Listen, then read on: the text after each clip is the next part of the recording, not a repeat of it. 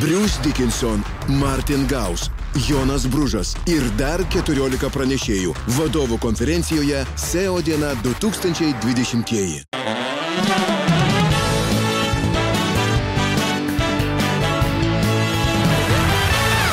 Sveiki! Sveiki, mėly bičiuliai! Čia laikykitės ten, po naujųjų sugrįžusi pagaliau. Kai mes išėjom trumpu atostogų, tikėjomės, jog, nu, kas ta sausio pradžia. Visi pachmėlini po naujako, galvos sunkios, logikos nerasta, ką bedarytum, viskas krenta iš rankų.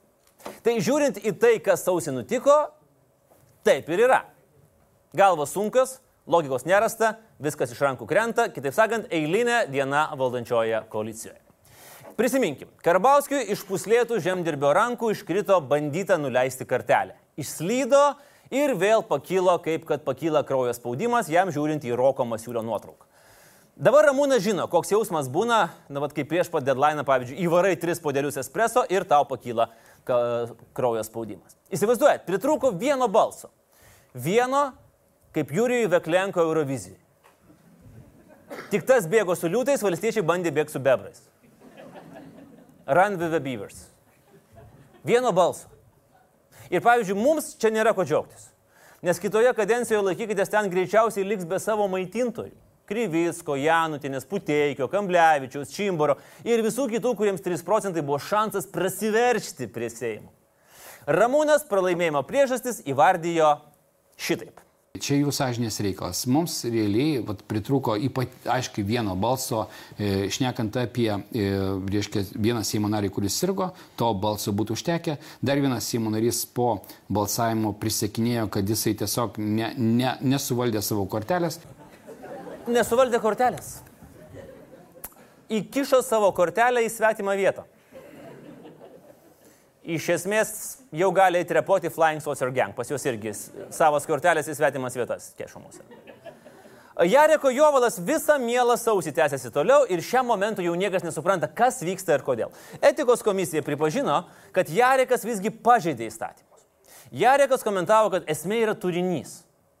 Nu ne, pons ministrė, esmė yra išvados ir jos yra neigiamas. Pavyzdžiui, Henrikui daktarui irgi turinys, o ne sprendimas rūpėdavo.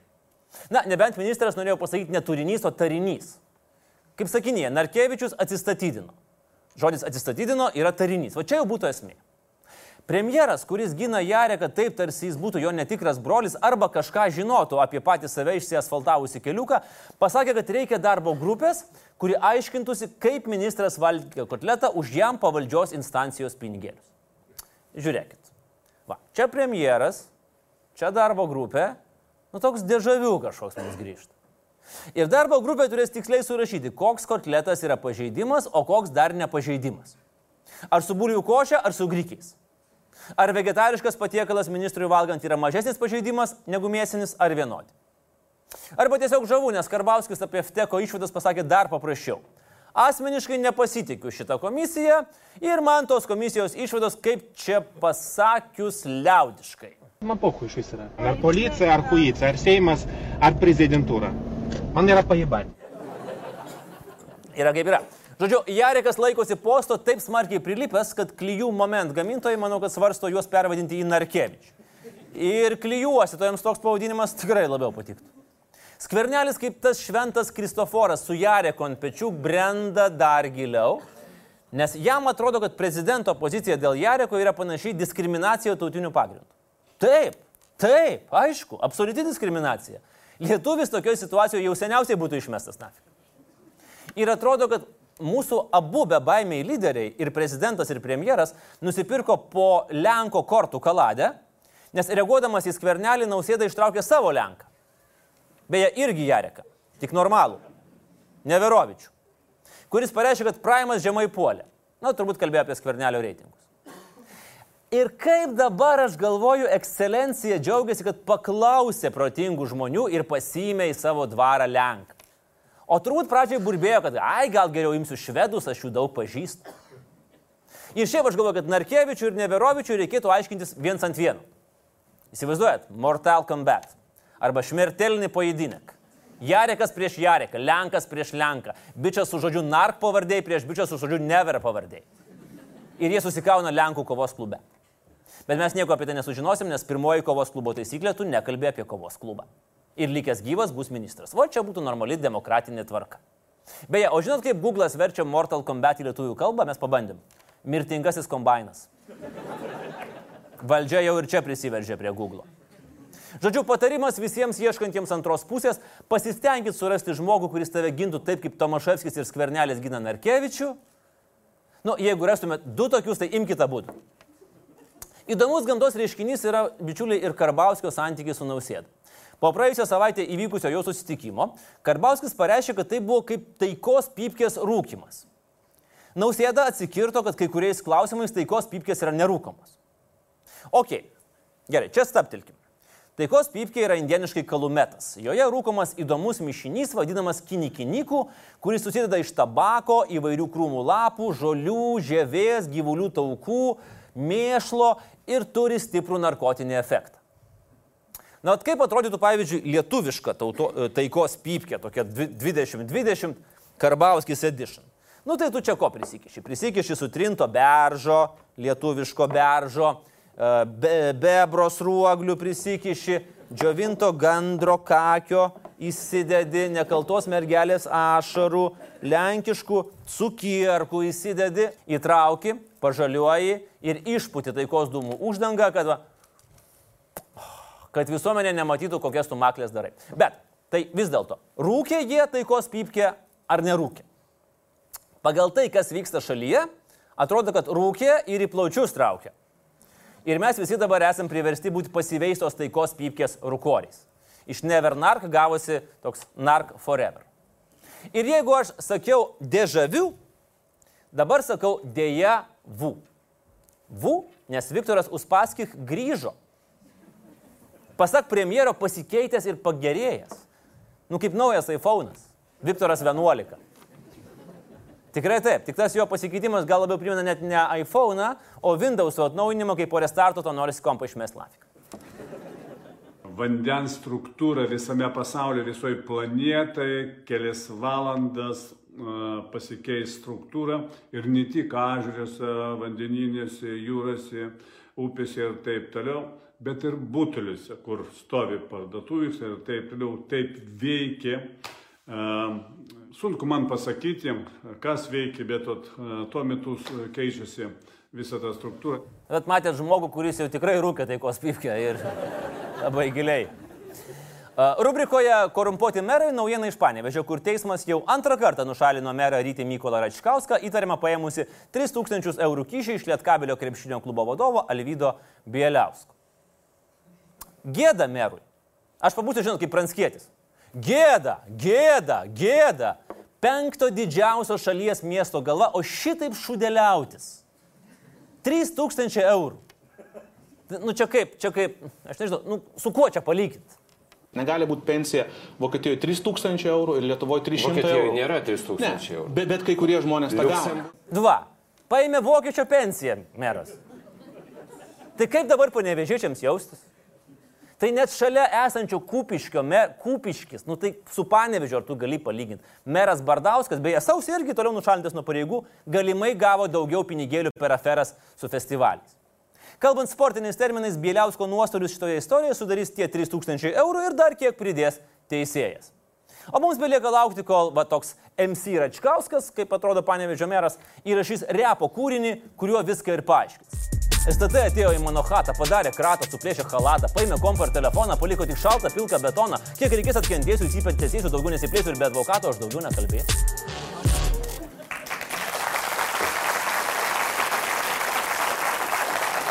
Bieliausko galimai paimta 3000 eurų kyšį pakomentavo ir Žalgerio treneris Šarūnas Jasikevičius.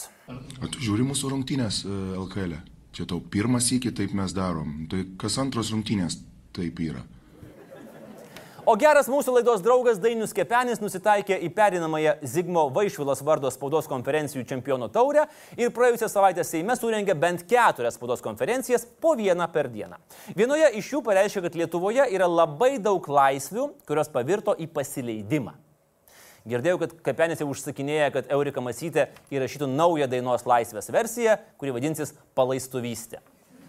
Ir realiai aš pritariu, Kepeniui viena iš tokių laisvių yra žiniasklaidos laisvė, Kepenis sukvietė visus kaip žmonės į spaudos konferenciją. Ir kokį rezultatą turim? E, Ar šiandien čia mes turime žurnalistų?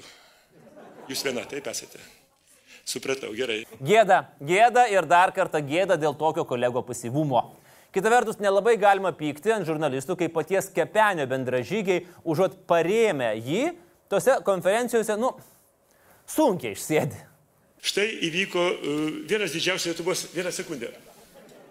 Pakomentuokit va, tik tą, tą klausimą, nes aš žinau, kad uh, bėga pas Seimo, Seimo pirmininką, nes ten atvyksta ambasadorius. Bet uh, lygiai vieną minutę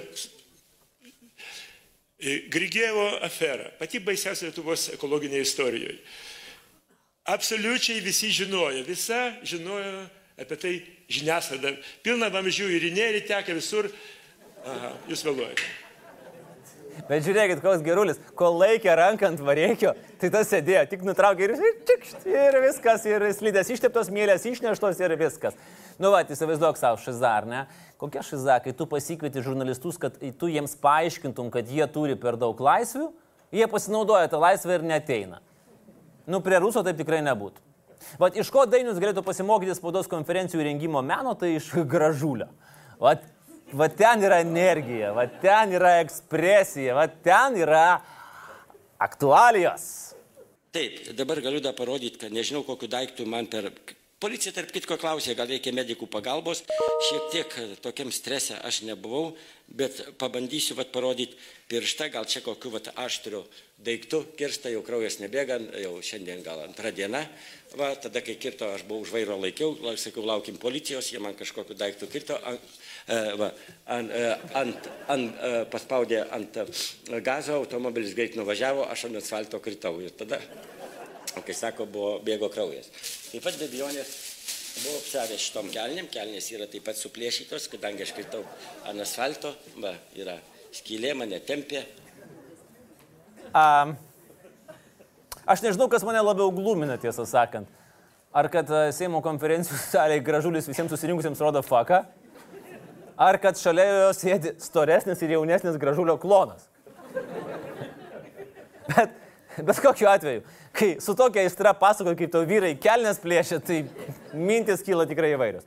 Gerai, e, kitas mūsų draugas laidos labai geras irgi Arvidas Jozaitis pagaliau apsisprendė ir kartu su buvusia tikrai labai labai populiaria ir sėkminga pensininkų partija įkūrė judėjimą kartų solidarumo santalka Sąjunga Lietuvai. Pavadinimas, kuris jau iš dviejų žodžių buvo per sunkus, Čia yra penki. Už ką balsavai? Už KSSL. Dar niekas niekada nepasakė ir greičiausiai nepasakys. Bet Arvidas mums viską sklandžiai išaiškina. Santalka Lietuva vis tiek e, išsirutulios iki galo, nes e, mes vis dėlto santalka, talka Lietuvai kaip sąjūdis. Sąjunga jau atkrito dabar, mes jau šitą logotipą ir tą ženklą naudojam kartu solidarumas santalka Lietuvai, jau, jau keturi žodžiai bus. O galiausiai tai santalka, talka Lietuvai. Bet kartu solidarumas yra geras dalykas.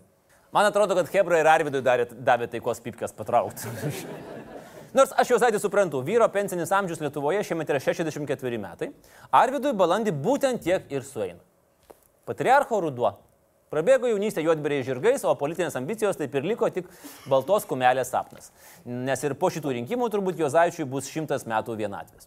Na, o rubrikoje paskirimai Šią savaitę naująją Rusijos kultūros ministrė tapo Olga Liubimova.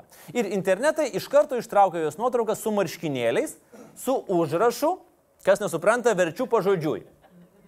Kas jūs tokie, ko jums reikia, aš jūsų nežinau, Rūkykit taikos pipkę. Ir panašu, kad senas anegdotas Alo etapračičnoje Rusijoje nuskambėjo naujai. Nerami žinia atėjo ir iš Didžiosios Britanijos. Prieš Brexitą šalį palieka gyventojai. Princas Haris susikrovė paskutinį lagaminą ir išrūkė į Kanadą pa žmoną ir sūnų. Žodžiu, atsisakė titulų, nesidės giminėm ant sprando, ieškosis normalaus darbo užsienyje, bus emigrantas. Karališkasis Brexitas įvyko pirmiau nei tikras. Bet nekaltinkim Hario ir Megan, niekas, tikrai niekas nenorėtų visą gyvenimą gyventi pas močiutę, jo labiau, kad močiutė yra ta, kuri pergyvens visus kartu sudėjus. Ir prieš keliaudami į pagrindinę laidos temą dar užmeskime akį į miestą, kur šiandien apsistojo laikykitės ten į Uteną.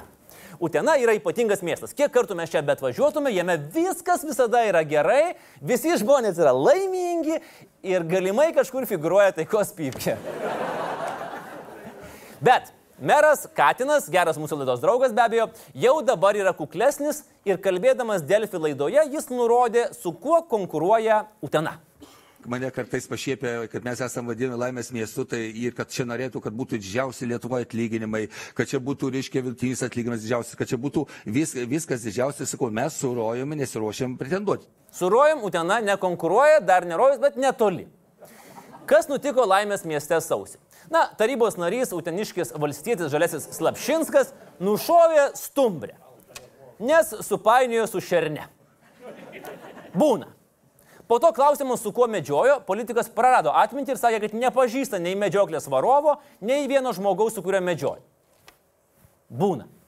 Nu, kam nebūna su visiškai nepažįstamais vyrais varyti medžioti pirti, po to į prisigertą, nuogiem šokti į akį. Aišku, kad būna. Yra net atskira tokia profesija, kuri to užsima. Leidžia laiką su nepažįstamais vyrais. Dabar nepamenu, kaip netiksliai vadinasi, bet tokia paprastutė profesija. Dar vienas pastebėjimas. Nausėda į Lietuvą pakvietė PKO banką iš Lenkijos. Šito banko logotipe yra gyvūnas panašus į stumbrą. Tai uteniškai prižiūrėkit Slapšinską, nes nušaus stambų investuotoją kaip gyvą. Prižiūrėkit, prižiūrėkit. Jau tas pats faktas, kad žalesis šaudo stumbrus, jau net nebe, jau nebe, nebejokinga. Iki pilnos laimės Utenai dar, žinot, ko trūksta? Trūksta šiukšlių konteinerių, kuriuos mieste degina vandalai. Apie juos Utenos vicemeras Vitalijus Šeršniovas parašė taip. Pasidomėjau, pasirodo padėgėjams būdingas didelis lygotumas ir psichikos sutrikimas. Žodį padėgėjams Vicemeras parašė taip, kad gėjams būtų išskirta didžiosiamis raidėmis. Paklaustas, ar čia kažkokia paslėpta žinutė, vicemeras puolė teisintis, kad neturi prieš gėjus nieko blogo, tiesiog norėjo sukelti degančios kepurės efektą. Ką? Utenos gėjai su degančiom kepurėm yra kaip? Ar tiesiog Utenos gėjai nemėgsta tekstilės konteinerių, nes ten meda nemadingus drabužius, aš nelabai supratau šitą dalyką. Žodžiu, e, dar vienas dalykėlis, kuris pristabdė Utenos kelionę į rojų, tai buvo rajone rastos pavojingos cheminės atliekos. Tiesiog didžiūnų kaimo sandėlį yra laikoma 3000 tonų nuodingos chemijos. Jos vis dar ten, nes niekas nežino, ką su jom daryti. Tai aš kažkaip norėčiau jau greičiau laidą baigti ir važiuoti iš čia, o jūs uteniškiai, na, laikykitės ten. Prieš kelias dienas Utena dar labiau priartėjo prie mūsų pagrindinės temos apie šūdų malūną, nes paaiškėjo, kad kitame rajono kaime įsikūrusi įmonė Kibiras, čia pavadinimas, į upelius varė nuotekas, o nuotekų duobė buvo labai gudriai pridengusi tentu. UAB Kibiras. Beje, internete UAB Kibiras gyrėsi, kad yra nugalėjusi aplinkos ministerijos konkurse palankiausias aplinkai produktas už sukurtą šio laikinį antrinių atliekų panaudojimo konteinerį. Ta prasme, šūdų duobę potentu.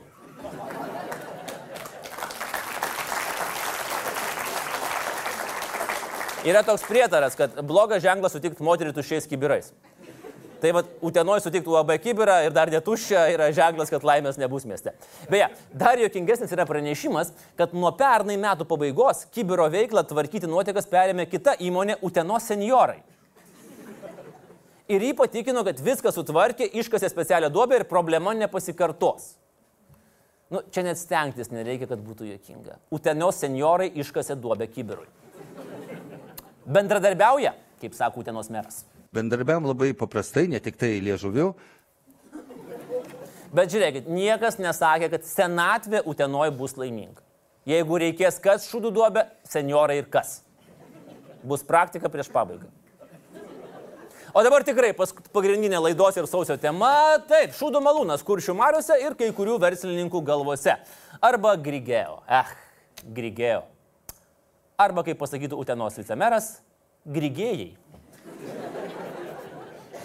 Dar prieš mėnesį galėt pagalvoti, kad Grigėjo yra kas? Yra pilnas pirmojo šalies šuns vardas, tenisininko Laurino Grigelio itališkas pseudonimas arba nauja kruopų rušis. Tai ne. Anksčiau viskas būdavo kitaip. Truko greičiau, tekdavo daug ką daryti rankomis, mašinos sukosi lėčiau. O mes vis bėgte paskubomis, bet nuveikti spėdavome mažiau. Dabar dirbame kitų ritmų. Įmonė modernizavosi.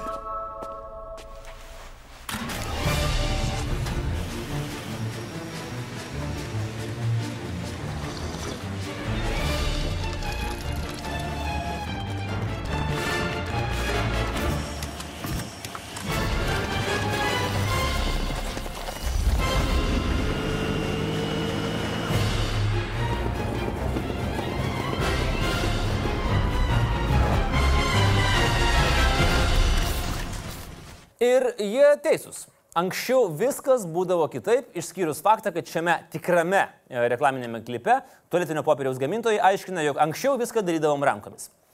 E, Šiandien turim, ką turim. Nauja didžiausia Lietuvą sukritusi katastrofa - Grigėjo Klaipėda nuotekos į kuršių mares. Aš sakyčiau tikrai baisiai purvina tema ir aš net negalėčiau jos paliesti su plikom rankom, nes, žinai, tikrai nesmagu.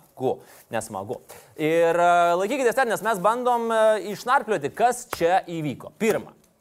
Ekologinių nelaimių, katastrofų ir nutikimų Lietuvoje buvo ne vienas ir ne du. Visai neseniai, kai dar degė Litukis, nemažai mes jų aptarėm. Prisiminkime, amoniako išsiliejimas ir gaisras Achemoje 89-ais, pernai Lietuvos gaisras, šiemet Utenos seniorai atliekų kibirė, nu žodžiu, visko buvo. Dabar paaiškėjo dar vienas galimai ciniškiausias ekologinis nusikaltimas per visą Lietuvos istoriją - Grigėjo Klaipėda. Manoma, kad įmonė vėl nežino kiek metų pylė nevalytas nuotekas į kuršių mares. Taršos normas viršijo ne kelis, ne keliasdešimt, o 130 kartų. Spėjama, kad į mares nuleista milijonai tonų šūdo, tiesioginė ar perkeltinė prasme, abiem. Ir pirkdami rūkytą karšį šią vasarą, pagalvokite apie tai. Aš manau, kad šią vasarą žmonos atkalbinės neringoje esančius vyrus, sakydamas, va, imk 20 eurų, eik geriau į barą, bet nevažiuok žvejot. Beje, kaip tik šią savaitę dar pasirodė teršalai ir Vilniui, nery, dar kažkokie plasmasės gabaliukai plaukioja, dar kažkas vėl visi laksto, bet vis tiek taršos mastai neprokur neprilyksta Grigėjo klaipėdai. Nei anksčiau Vilniaus kakučių paleidimų nerimi į Kauną. Na, bet žiūrėk, dar gal ten kažkas paaiškės, kaip dainavo muzikos filosofai grupė Aqua, Life is Plastic is Fantastic. Grįžkim prie Grigėjo. Ką jie darė blogai? Pradėsime nuo Adomo ir Jėvos laikų. Gaminti popierių ir kartonų reikia labai daug vandens. Jeigu gamykla nenaudoja vandens kelis kartus, vienam kilogramui popieriaus reikia maždaug 300-400 litrų vandens. Efektyvioms gamykloms kilogramui popieriaus pakanka 10-25 litrų vandens. Tai galite įsivaizduoti, kiek vandens sunaudoja daugiausiai popieriaus ir kartono gaminanti įmonė Lietuvoje. Čia ir toks kiekis vandens, kurio užtektų net svetimai gėdai nuplauti. Kadangi vanduo naudojamas maišant perdirbėm popierių visokius chemikalus, yra užteršiamas ir jį reikia valyti. Paprastai vanduo yra valomas mechaniškai ir biologiškai. Na, nu, kaip seksas. Tai yra ir mechaniškas, ir biologiškas veiksmas. Priklausomai nuo to, kiek metų tai darai. Valoma yra filtruojant ir naudojant cheminės medžiagas. Vėlgi panašiai kaip seksas. Dabar su grigėjo situacija yra tokia. Kai sunaudoji ir priderši labai daug vandens, geriau pačiam apsi, išsivalyti jį, nei perpumpuoti į valymo įmonę. Na, nu, kaip žinot, kaip triusikų su dryžiais viduje, tu tikrai į skalbyklą neduosi. Tu plausi pats, kad, nu, nieks nepamatytų. Ir čia prasideda linksmybės. Jeigu smirdinčio ir purino vandens pumpavime į kuršių mares galima vadinti linksmybę. Geruoju atveju turėjo būti taip. Grigė užsivalo vandenį, paima tyrimą, pasižiūri viskas ok, išmatuoja, kiek švaraus vandens išleidžiama ir klaipėdos vandens kanalais viskas suteka į mares. Na, nu, kaip ir su triusikais. Išplovė, išvertė į kitą pusę, postė, viskas ok. Bet Grigėjo, būdami specialistai šudinose situacijose, apeidavo valymo vietas ir paleisdavo dalį nuotekų į tą vamzino vietą, kur jau beliko tik klaipėdos vandenų skaitliukas, skaičiuojantis, kiek vandens paleidė. Įsivaizduokit, yra nuotekų rezervuaras. Iš jo purvinas vanduo teka per valymo įrenginius, tada per mėginių paėmimo vietą, kur viskas atrodo švaru. Tada į vamzdyną pasijungia dar vienas vamzdis, kurio nėra jokiuose kompiuteriuose ir pro kurį nevalytos nuotekos eina tiesiai prie skaitliuko. Nu toks shortcutas. Grigėjo atveju šitkatas. Ir jeigu tu žinai, kad ateis aplinkosauga, tu užsuki slaptą vamzdį, visas vanduo eina per valymo įrenginius, viskas švaru, gražu, duomenys rodo gerus rezultatus, apskaita rodo gerą balansą, viskas tvarkoj. Ir kadangi niekur kompiuteriuose nebuvo to vamzdžio, tai nebuvo ir specialaus mygtuko. Tai reiškia, kad tiesiog buvo sklendė, kurią ateidavo ir atsukdavo paprastas technologijas.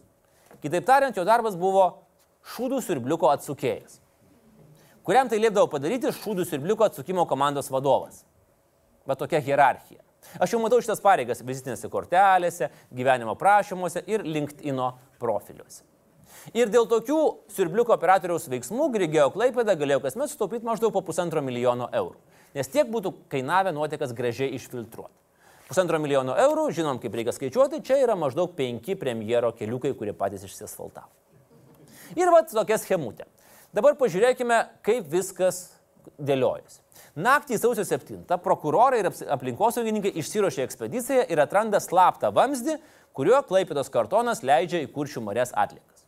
Laikykitės, ten pasiekė ekskluzyvinė vaizdo medžiaga, kaip aplinkosaugininkai ieškojo to šūdvamščio.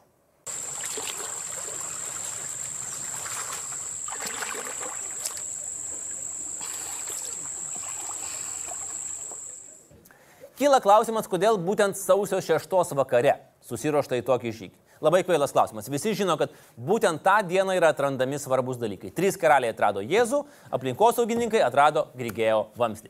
Vamzdis beje yra nemenkas, 12 km ilgio, nu, ne visai toks, kad galėtum pasakyti, ai, neturėjau kur dėti, tai numečiau kaip nešvarės pirštelės. Sausio 7 vamzdžio atradėjai organizuoja preskonfą ir praneša apie įvykį. Nu ir visa klaipėta atsidūrsta su palengvimu, ai tai va, kodėl čia taip dvokė. Nes kuris laikas jau, žinokit, Klaipėdoje laimingiausi žmonės buvo tie, kurie turėjosi nusitą. Klaipėdos kartono savininkai akcinė bendrovė Grigėjo tyli kaip vandens į burną prisėmė. Jautė žalčiukai, kad tuo į tą pačią burną reiks semti savo vandenį iš to vamiščio. Kadangi jie tyli, žmonės ima pardavinėti įmonės akcijas. Per dieną jų vertė nukrenta 10 procentų ir pagal taisyklės priekyba biržoje stabdoma. Makleriai vakare apie Grigėjo akcijas vienas kitam pasakoja, šiandien daug šūdo pardaviau. Sausio 9 vienas didžiausių Grigėjo akcininkų pangonis ir vienas turtingiausių žmonių Lietuvoje pagaliau atgauna žadą. Toks maždaug, oi, oi, kas čia įvyko? Kažkas yra, reikia pasisakyti. Tada išeina, preskonfe visų atsiprašo, pasako, kad aiškinsis, kad taip negali būti, kad va taip pat nuleido atlikas kaip tūlikai, juk mes esame much eco-friendly, very climate, nature wow company. Šiandien aš čia atėjau atsiprašyti už tai, kas įvyko Grigėjo Klaipėda, kas buvo daroma su kuršių mariom, su miestu, su Lietuva. Tai nedovanotina ir mes tai netoleruojam Nu ir dovanotina ir toleravot, nes ilgus metus tai viskas vyko. Priekybos centrai stoja į trečią baleto poziciją ir sako, kad su tokiu korumpuotu šik popierium nepriekiaus. Lietuvių užpakalį nuspelno tyriausio, švariausio popieriaus. Prasideda pasakojame, kad Klaipėdos aplinkos džedai viską žinojo anksčiau, tik nieko nesakė, nes ten, manau, matai, seniuk viskas nupirta ir parduota. Žmonės kalba, kad nenupirtus aplinkosaugininkus Klaipėdoje vadina fėjomis, nes tiesiog tokių nebūna. Žiniasklaida išsiaiškina, kad buvęs vyriausias Klaipėdos aplinkos apsaugos ryteris buvo vadinamas kišeniniu MG Baltic aplinkosaugininku, nes kažkada yra gavęs kyšį, stumbro degtinės butelį ir knygą. Butelį ir knygą. Ar čia aplinkosauga, ar poezijos pavasaris? Sakykit, ką norit, bet MG Baltic yra taupiausias pasaulyje koncernas. Jeigu ką nors dovanoja, tai tik savo produkciją, kad nu joks euras pro šalį nenueitų. O prisimenat, juk turėjom laikus Lietuvoje, kai žmonės tualetinį popierių neždavo kaip kyšį. Dabar kažkaip atvirkščiai. Ir va buvęs to konkretaus Klaipėdos kartono fabriko, kuris vėliau tapo Grigėjo Klaipėdas savininkas Avulis, kuris pardavė jį per pačią krizę, kelia kitą versiją. Prieš pusmetį Pangonis atleido direktorių. Už tai, kad tas darė kažkokias maklės. Nu, tipo, nupirko krakmolo kartonų iš savo paties įmonės, dar kažkas ten, žodžiu, 4 milijonai eurų žalos, klaipėdos kartonų ir panašiai. Pangonis pridavė dyrikai prokuratūrą, ta pasimuistė, sako, čia ne mūsų reikalas, eikite į teismą.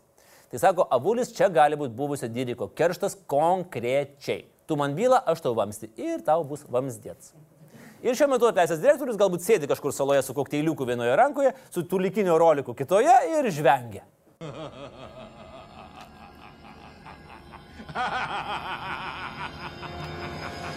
Neringos ir Šilutės merai ramina saviškius, žmonės sako, viskas gerai, Hebra, viskas gerai.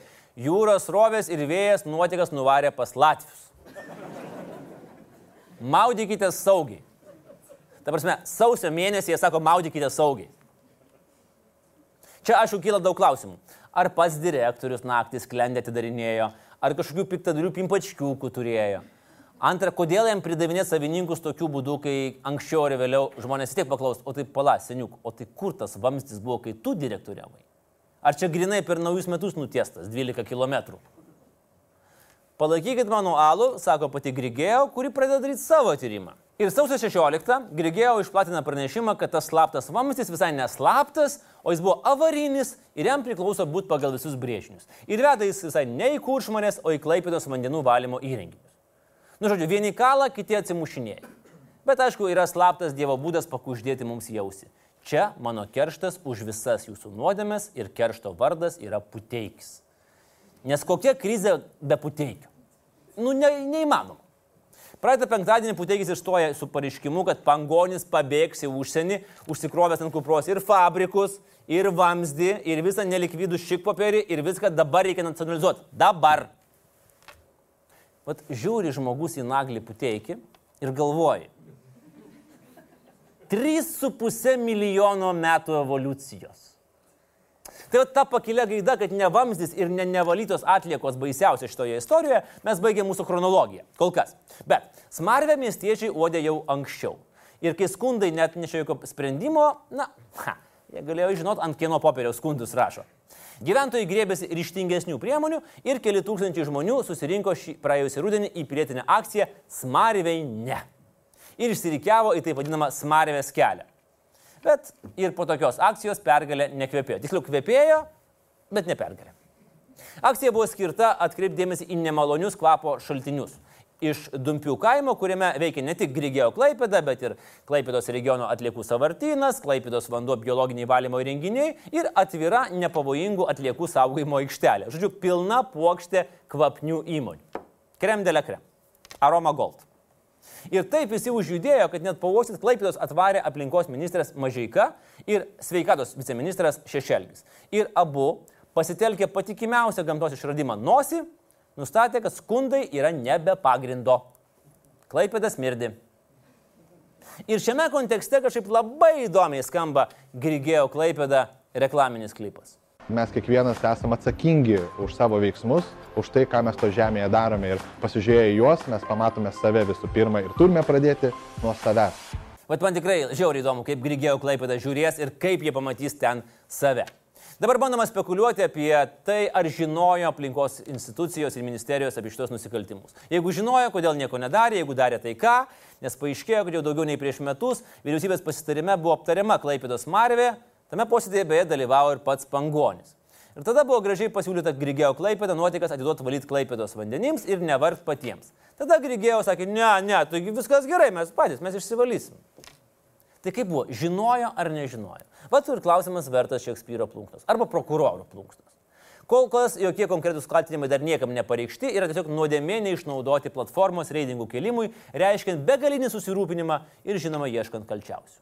Laisvės televizija irgi atliko savo tyrimą ir peržiūrėjus šimtus stebėjimo kamerų įrašų, rado, kas galėjo prisidėti prie šio protų nesuvokiamo nusikaltimo.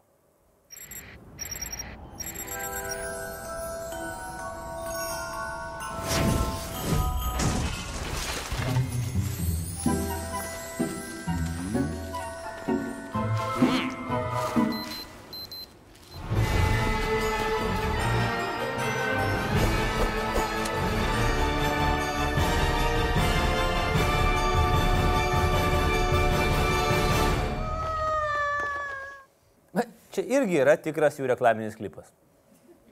Jolita, mes taip pat iš tavęs tikrai nesitikėjom ir nekantriai lauksim tavo paaiškinimo. O jeigu rimtai, tai yra kaltinami visi. Pradedant nuo pangonio, baigiant sargų, kurį taip netikėtai naktį užklupo patikra.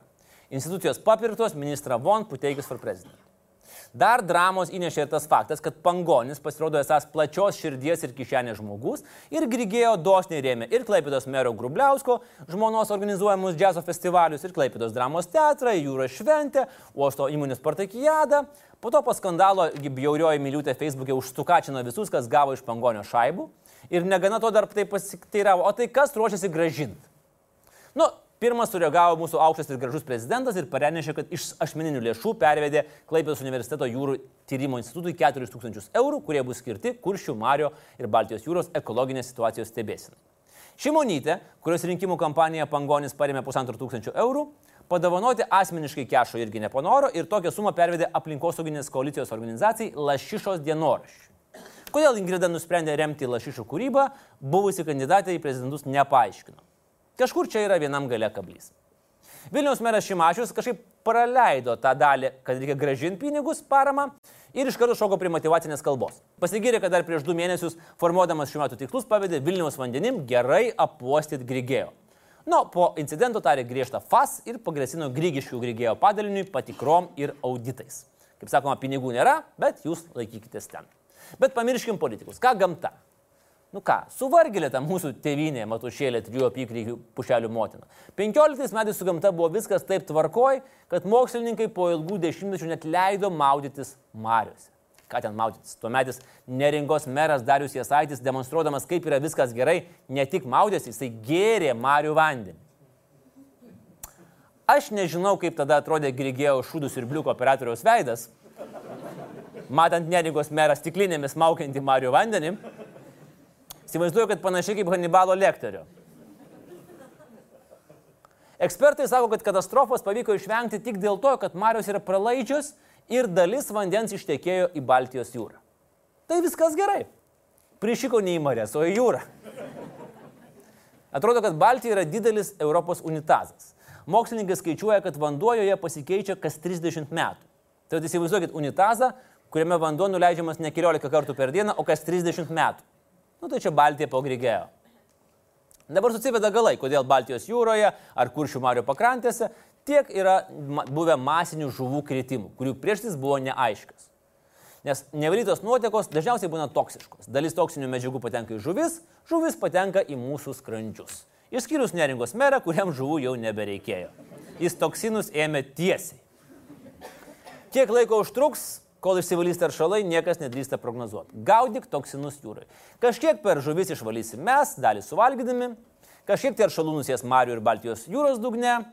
Mokslininkai tik konstatuoja, kad per paskutinius 115 metų dėl organinių ir toksinių medžiagų koncentracijos mirties zonų plotas Baltijos jūroje padidėjo 10 kartų.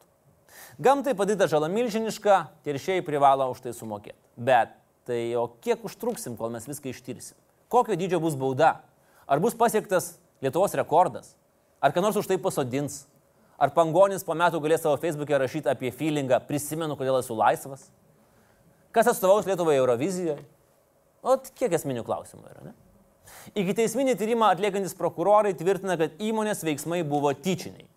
Tai dabar tikrai nuoširdžiai tikiu graudžiais pangonio žodžiais, kaip jam dabar yra liūdna ir koks jis dabar yra susirūpinęs. Vakar teisėsauga paskelbė savo tyrimo išvadas. Tai buvo turbūt viena juodžiausių dienų mano gyvenime. Nuoširdžiai tikiu, kaip nebus juodžiausia, kai teko visą dieną praleisti savo įmonės marviai. Ir liūdna Pangoniui turbūt ne dėl to, kad jo įmonė daugybę metų teršė į UNESCO pasaulio paveldų sąrašą įtrauktą vieną gražiausių šalies vietų. Ne, ne, jam liūdna, kad jį pagavo. O susirūpinęs jis, nes baudžiamajame už tokią veiklą grėsia iki šešių metų kalėjimo. Tuo tarpu baudos pagal administracinį kodeksą gan nedidelis. Tačiau pridėjus numatytas aplinkos apsaugos įstatymę, padauginus iš teršalų kiekio, teršimo laiko, aplinkos ministro nuomonė kalba eina apie 60 milijonų eurų žalos. Šiam lemų. Įsivaizduot kiek pinigų.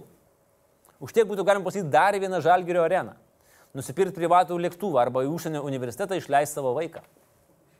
Jeigu teismas tokią sumą patvirtintų, būtų didžiausia žala Lietuvos istorijoje. Bet neperšokęs rūtų griovę, nesakykim, grigiop. Tik įvykus nelaimiai, pirmi skaičiavimai visada būna maždaug dvigubai didesni nei po teismo sprendimų. Bet Grigėjo jau moka kainą už savo tiesioginę ir netiesioginę to žodžio prasme nešvarius darbelius. Akcijų biržoje vertės muko, didėjai akcininkai liko į gritę skandį. Kokias pamokas mes galim dabar daryti? Pirma išvada greita. Vamzdis turi du galus. Dėja, vienas iš jų buvo kuršių marius. Antra, nu nebedarykit nu nustokit elgtis ir bandyti išgręžti maksimalų pelną, negalvodami apie gamtą ir apie mūsų visų ateitį. Trečia, šitas skandalas yra apskritai didelis smūgis visam atsakingam Lietuvos verslui, kuris vis dar susiduria su etikete visi verslininkai vagiai. Visi verslai tikrai tokie nėra. Turbūt. Nu, gal. Tikiuosi. Bet seno kirpimo vadovo akivaizdžiai dar lygiai. Nu, tų tokių, kurie atrodo kaip tas blogas monopolio žmogeliukas ir kurių karikatūras vaikai matys istorijos egzaminuose po 50 metų. Ketvirta, gerai, kad visuomenė tokio grigėjo malūno daugiau netoleruos. Po truputį tampame civilizuotą valstybę ir šis skandalas bei visuomenės ir verslo partnerių reakcija tai tik patvirtino. Tai nėra Ok. Mes nenorim, kad kentėtų nieko dėti darbuotojai, bet tie, kurie lopsta visų mūsų gamtos sąskaitą, negali likti nenubausti. Ir geroji žinia yra ta, kad Grigėjo tapo lakmuso papirėliu. Ta prasme, rimtai, scenaristai, lakmuso papirėlių parašėt? Lakmuso. Ok, lakmuso papirėlių ir dabar va, visi pradėjo rūpintis aplinka ir ieškoti, kas kur teršia ir kur seniorai kasa naujas atliekų duobes. Potentų. O Grigėjo? Nu ką Grigėjo? Grigėjo reikės rebrandintis. Tad siūlome startuoti su nauja reklaminė kampanija ir mes jau paruošėm reklaminį klipuką ir mes ne gyvuliai. Suprantam, kad su pinigais artimiausiu metu jums bus striuka, tai mes duodam jį nemokamai. Anksčiau viskas būdavo kitaip. Sakėm, kad mes ekologiški ir visi tikėjo. Norėjom, valėm vandenį mechaniškai, norėjom biologiškai, norėjom, ha, iš vis nevalėm. Biškutį pasukdavom skaitliuką, kaip tėvukas sovietmečių mokino. Dabar dirbsime kitų ritmų.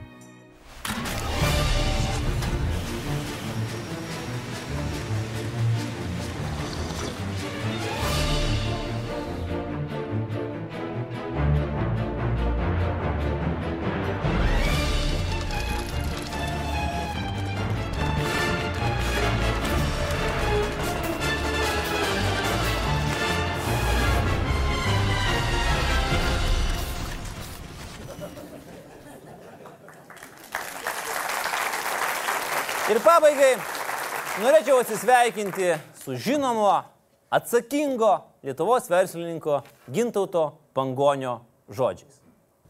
Jeigu šiuo metu Lietuvoje skundžiasi, kad neturi pinigų, tai greičiausia pas jį abi rankos kairios.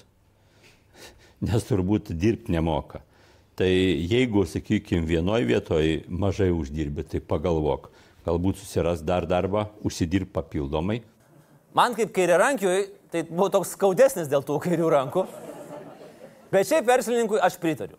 Jeigu nori uždirbti ir greitai, net jeigu tu turi abi kairės rankas, vis tiek suktų tas klentės, suk susimildamas, suk, kad šūdo malūnas suktųsi nesustodamas. Ir su šita viltinga mintimi ir palieku jūs, mėly bičiuliai, iki pasimatymo kitą savaitę, kai laikykitės ten bus ukmergėje, o savaitgalį jūsų televizorių, kompiuterių ir telefonų ekranuose. Ir nepirkit grytės. Iki!